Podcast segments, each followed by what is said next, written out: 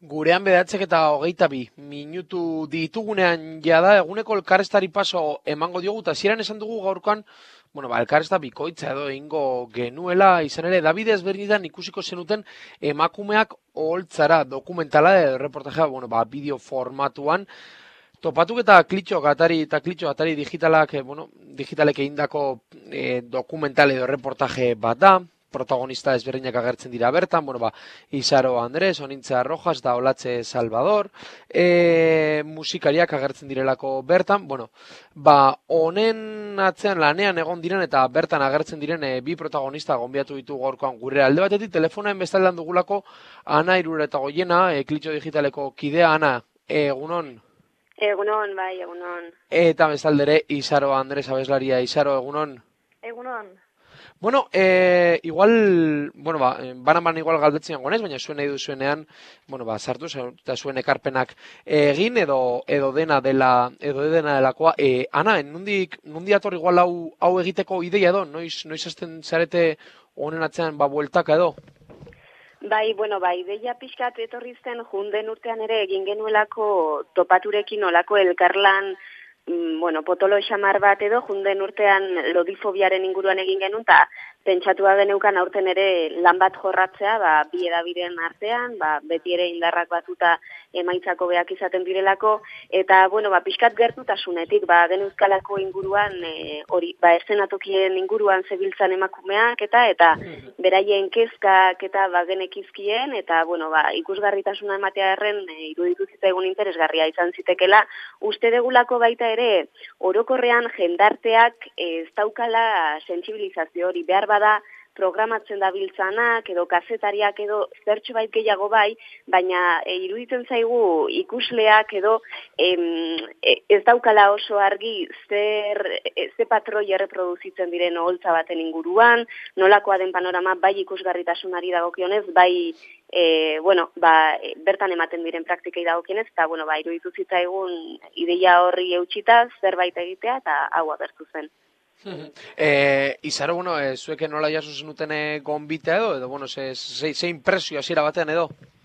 Mm, gustora, gustora jaso gendun, e, urduri bebai, ze azkerien gai garrantzitsua da guretzako, eta nahi izen dugu ondo azaldu edo ondo espresatzen jakin, inor mindu barik, baina bai e, gauzak ulertu araziz, eta pixkat ba hori, buelta nahiko moten buruai zerrezan, zelan esan, eta bere zauzunak eta bat egin bai, ez? askotan e, geuk bestak zein ez arazu ebera, ez soluzin, orduen hausnartu behar izan dugu bai, nahiko, baina oso gustura eta motibaute. Bueno, eh, eta gero, barkatu, eh, ez komentatu behar nion, izarok behar bada esplikatuko dugu beto, baina egon dela hemen donosti inguruan emakume musikarien talde bat sortzeko borondatea edo, ba, bueno, ez dakit hor pixkat bileraren bat edo dute, ez dakitzen martxa duen, baina, bueno, esan nahi dut, badago problematika bat, bereiek ere horren inguruan hausnartzeari ekin diotena edo.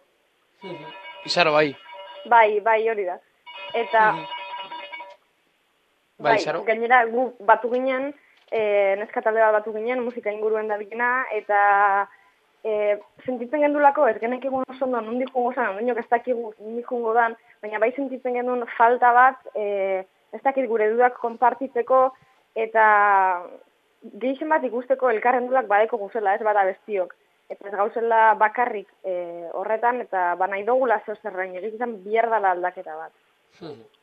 Bueno, eh, do, eh, bueno, erreportaje dokumental eh, honetan, eh, bueno, ba, gai ezberdinak jorratzen dituzue, bueno, osnarketa bat egiten duzue, bertan zentratzen zaite, eta, bueno, ba, erreportaje dokumentalean, eh, dokumentaleko edukioetatik eh, tiraka igual jarraian apurtza, eta osnartuko dugu eh, gaiaren inguruan, igual eh, zurekin hasiko gara ana, igual bai, bueno, ba, hau egiten egon zen edo kanpoti nola ikusi zunt, igual, lehenengo galdera edo lehenengo osnarketa izango litzateke oso orokorra bada ere, ba, nola feminizatu musika, ez? Hori da purtsu bat ere, e, bueno, ba, dokumentaleko erroetako bat edo izango litzatekena, ez da? E, nola, ez dakite, galderarik topatu, e, parkatu erantzunik topatu diozuen galdera honi edo, Ana? Bai, bueno, erantzun konkreturik ez, eta izarok berak esan duen bezala, e, bueno, ba, ezakit, konponbide orokorreta unibertsalik ere ez, ezta? Bai egia da, dokumentala bera edo, hasi genula pixka bat tiraka, emakumen ikusgarritasunari berari da dukionez, ze mm, penagarria da gaur egun Euskal Estenan, ze emakume gutxi holtzaratzen diren, e, eta gero beraiek, e, musikariek beraiek esatez zuten, ez? Claro, ez da bakarrik ikusaraztea, da baita ere, hemenatzean dagoen guztia eraldatzea eta estena feminista baldortzea.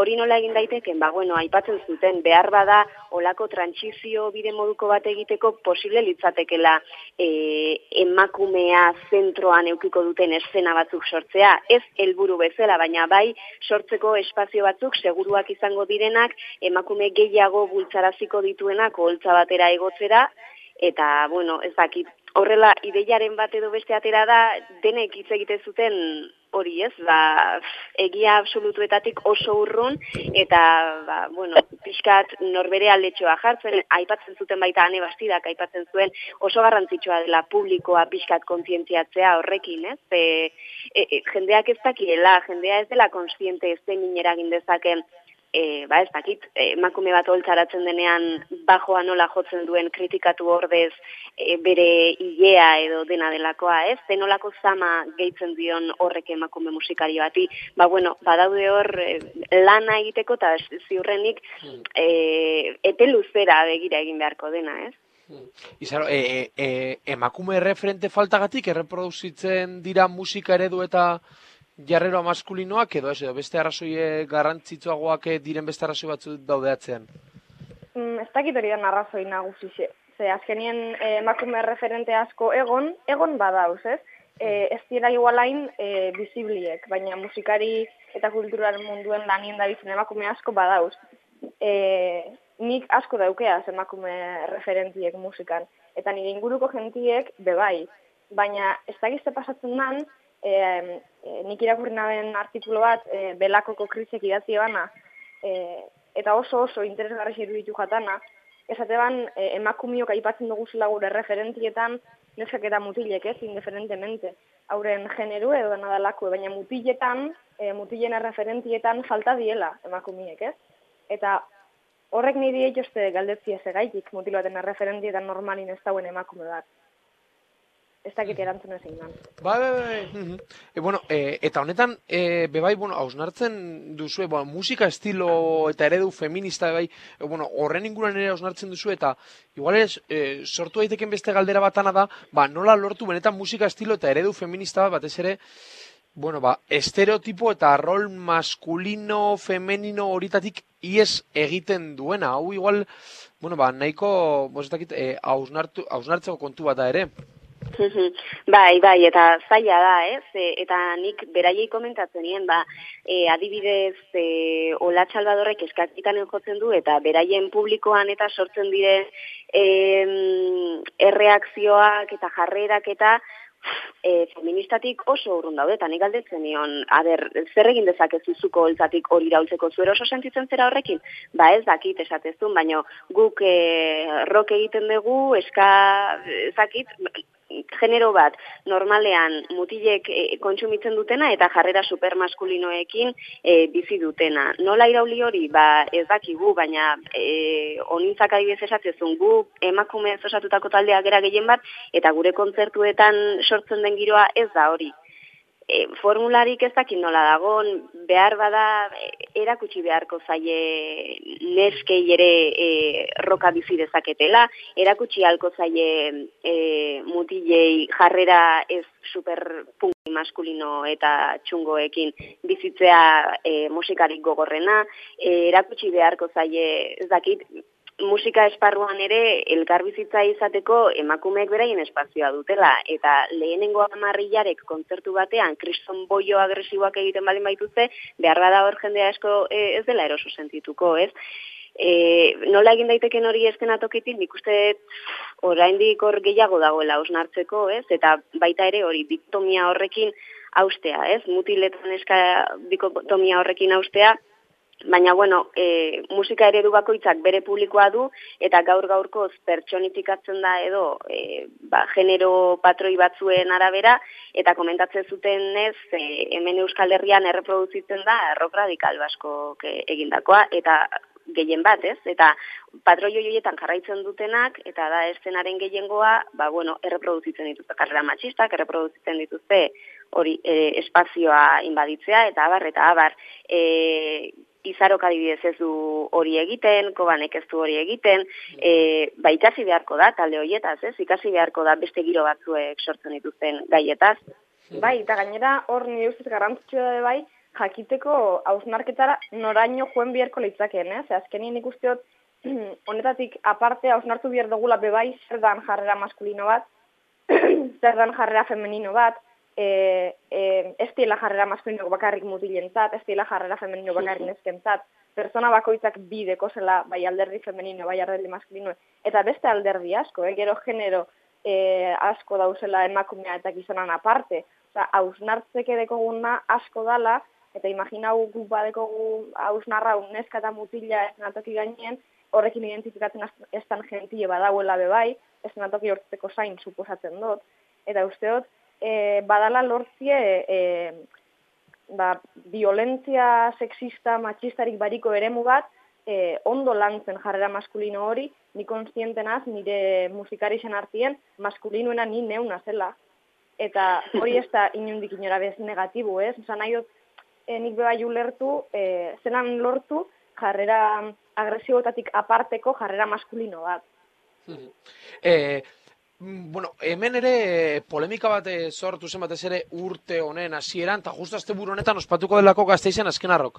E, jaialdia eta bertan, bueno, ba, kartela aurkeztu zuten unean ikusten genuena zen, hasieran ez zuten ez egoela emakumeen musikaririk, azkenan, bueno, badirudi e, musika, emakumezko musikari bakarra dagoela, bueno, e, datu, ba, bueno, zuzeun, eh, irakur ditzakegu datuak, edo, bueno, edo bestelako edabidetan, topatu nere, bueno, BBK Live jaialdian ama, amala emakume egoko dira holtzara aurten, gizoneskoak e, aldiz zeunta hogeita mazia, eta tortzurroken, ba, hogeita talde daude programatuta, eta hogeita bost besterik ez dira tartean emakumeren bat e, dutenak.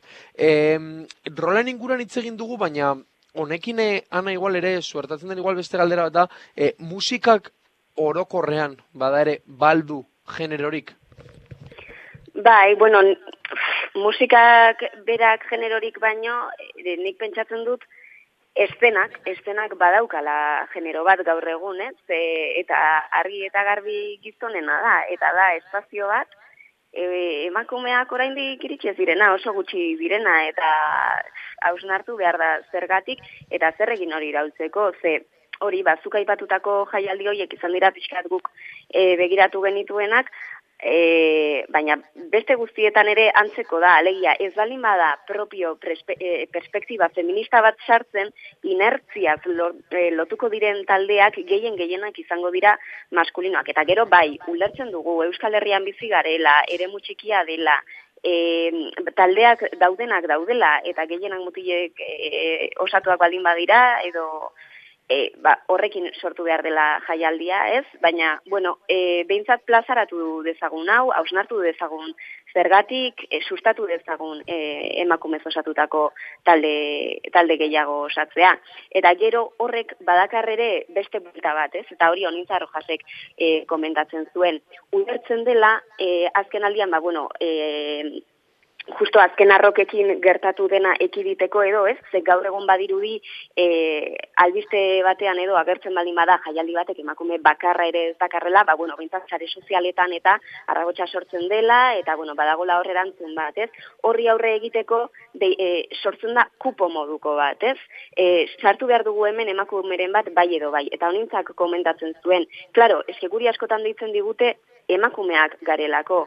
Ja, baino berdin zaizu ze jotzen dugun, guk elektroswing egiten dugu. E, berdin zaizu ze jaialdi mota den mister naiz kupo bat, ba ez, ez, horta zaratago doa, baloratu beharko da emakumeak egiten duten lana eta hori jarri balioan. e, Izaro, e, estenatoki gainera igotzen igotzen zaenean zuzeu edo, e, e, e, musik, e, musikari gisa definituko zenuke zure burua eda ala emakume musikari musikari gisa? Nik, lehengo nire burue, eh, nik lehenengo nire buruen musikari gisa, definituko Mhm. nuke. Eta gero, ba bai, emakumienaz, baina hausaz naz emakumiez, eta ez naz hausaz musikari uste dut. Eta ni gotzen hasi zenatoki baten gainera, musika egiteko nire kidiek gotzen dien era, bari, era berien. Auki edo ez auki e, rasgo fisiko bat edo beste. Eta ni neu, e, anak komentu den moduen, da nintzak ezaban moduen, ni neu minduko nintzake deituko baninuen e, festival batera kupo bat betetzeko. Presentia femenino bat egon behar dalako uste dut nintzela joengo. Ze uste dut emakume asko dauezela, oso oso gauza onak egiten da biezenak, eta merezi da bienak, da ezen atoki baten egotie, e, bere musika gaitik eta bere lana gaitik, uste dela hori dela helburu nagusiz ez. Nik uste galdera dela ze gaitik egun e, talde punteruenak edo jende geixen mobitzen da bienak, bien mutilez eindako taldiek. Hori aldatu berko litzake. E, e, bueno, eta estenatokitik e, geizten bagara. Ana, e, oholtza gainean, emakumeak egotea, emakumeak ikustea, hori iraultza egitea dau? Bai, bueno, ni, neri irantzaiago iruditzen zait. Gaur egun hori e, esenatokira amaika mutilez osatutako talde bat, aldarrikapen superpolitikoak egiten ikustea baino, ez? E, esan nahi dut, bai, nik ulertzen dut, e, ez dakit, inertziaz e, asko zerreztasun handiagoak dauzkatela, eta e, ez dutela autokritikarik egiten igotzen diren mutilek nola bere ganatu duten espazioa, zergatik dauden beraiekor, eta ez direla konturatzen emakumeak ez daudela, beraz, niri bai iruditzen zait, askoz iraultzaileagoa gaur egun behintzat e, e, Euskal Herrian emakumez osatutako estenatoki bat ikustea.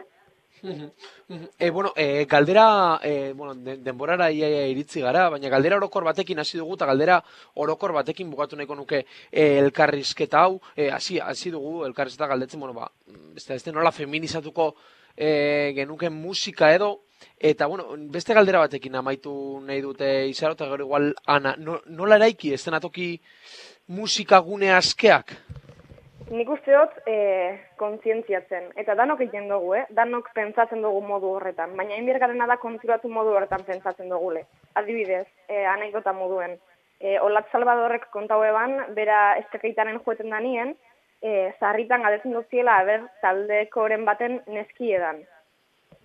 Eta bera, ba, musikari da. Eta lehengo baten, e, niri pasau jatan, nire mutil etorri zan niri laguntzera e, kontzertu batera, eta galdetu zotzien aber nire manaierra dan. Orduen, zergaitik, inork ezan ulertu, hola altzala izen manaierra. Eta zergaitik inork ezan ulertu, lehengoz, e, nire mutile altzala izen nire mutile, eta ez manaier bat, ez? Eta nik uste hori e, dezikasten junbier garela. Esaten zergaitik kritikatzen dugu emakume bat di- diferente gizon batena musikan, ez? Eta hori beste egiten jueten baga lortuko dugu gune azkeak. Baina hori egin bida, eta horretarako lana hundixe bida. Norberak bai, enik bai. Hmm. Ana, zurekin amaituko dugu. Bai, ba nik uste dut, e, bueno, gainontzeko gai guztietan bezala hemen ere, eh? e, behar beharrezkoa dela perspektiba feminista bat sartzea hausnarketa egiterako orduan. E, feminismoak ematen dizkizulako erantzunak ulertzeko zergatik den estena horrela, ulertzeko ez dela kasualitatea, ulertzeko buelta eman ahal daitekela eta klabe batzuk e, horri aurre egiteko. Eta kasu honetan musika estena zari gara, baina iruditzen zait orokorrean e, gizartari dagozkion gainontzeko gai guztietan ere sartu behar dela. Nola feminizatu e, edo nola feministago bihurtu? Ba, kontzientziazio bidez betaurreko moreak e, jartzearen bitartez eta oholtzaren alde batean, bestean eta atzean dagon jende guztiari e, erakustaraziz edo ulertaraziz zein den panorama. Eta hor badaudela em, e, sujeto batzuk musika egiten dutenak zapalkuntza bat jasaten dutenak musika egiteagatik beraien e, lagun gizonezkoek jasaten ez dutena. Eta badauzkatela baita ere tresna batzuk hori aurre egiteko baina eraldatu nahi dutenak ez dena hori beste modu batera eta entzun beharko diegu zer esaten duten eta kasu egin beharko diegu. Ba, marrak izateko gimitu falta dira eta hemen utziko dugu, bueno, ba, elkarrezta mamitzoa, osnarketa, bueno, nahiko, nahiko garrantzitzuak atera direlako eh, e, ama bostogei minutu hauetan. Ana irureta goiena eta Izar Andres, mi esker gaurkoan gurera batzagatik. Mi esker zuei.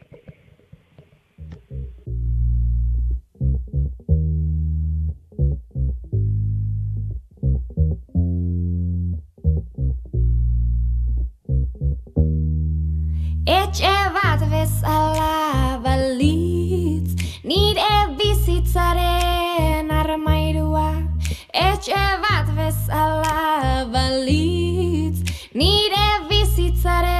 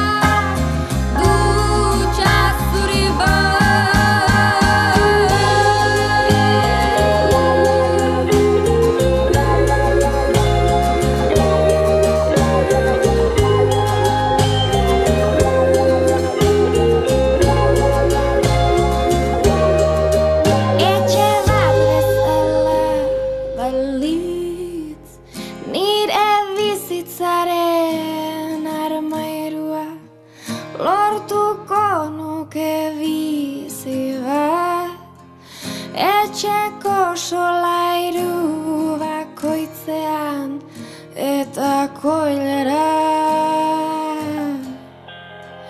Beti haundiak eta txikiak eta paretetako arrakala argazkiz hosi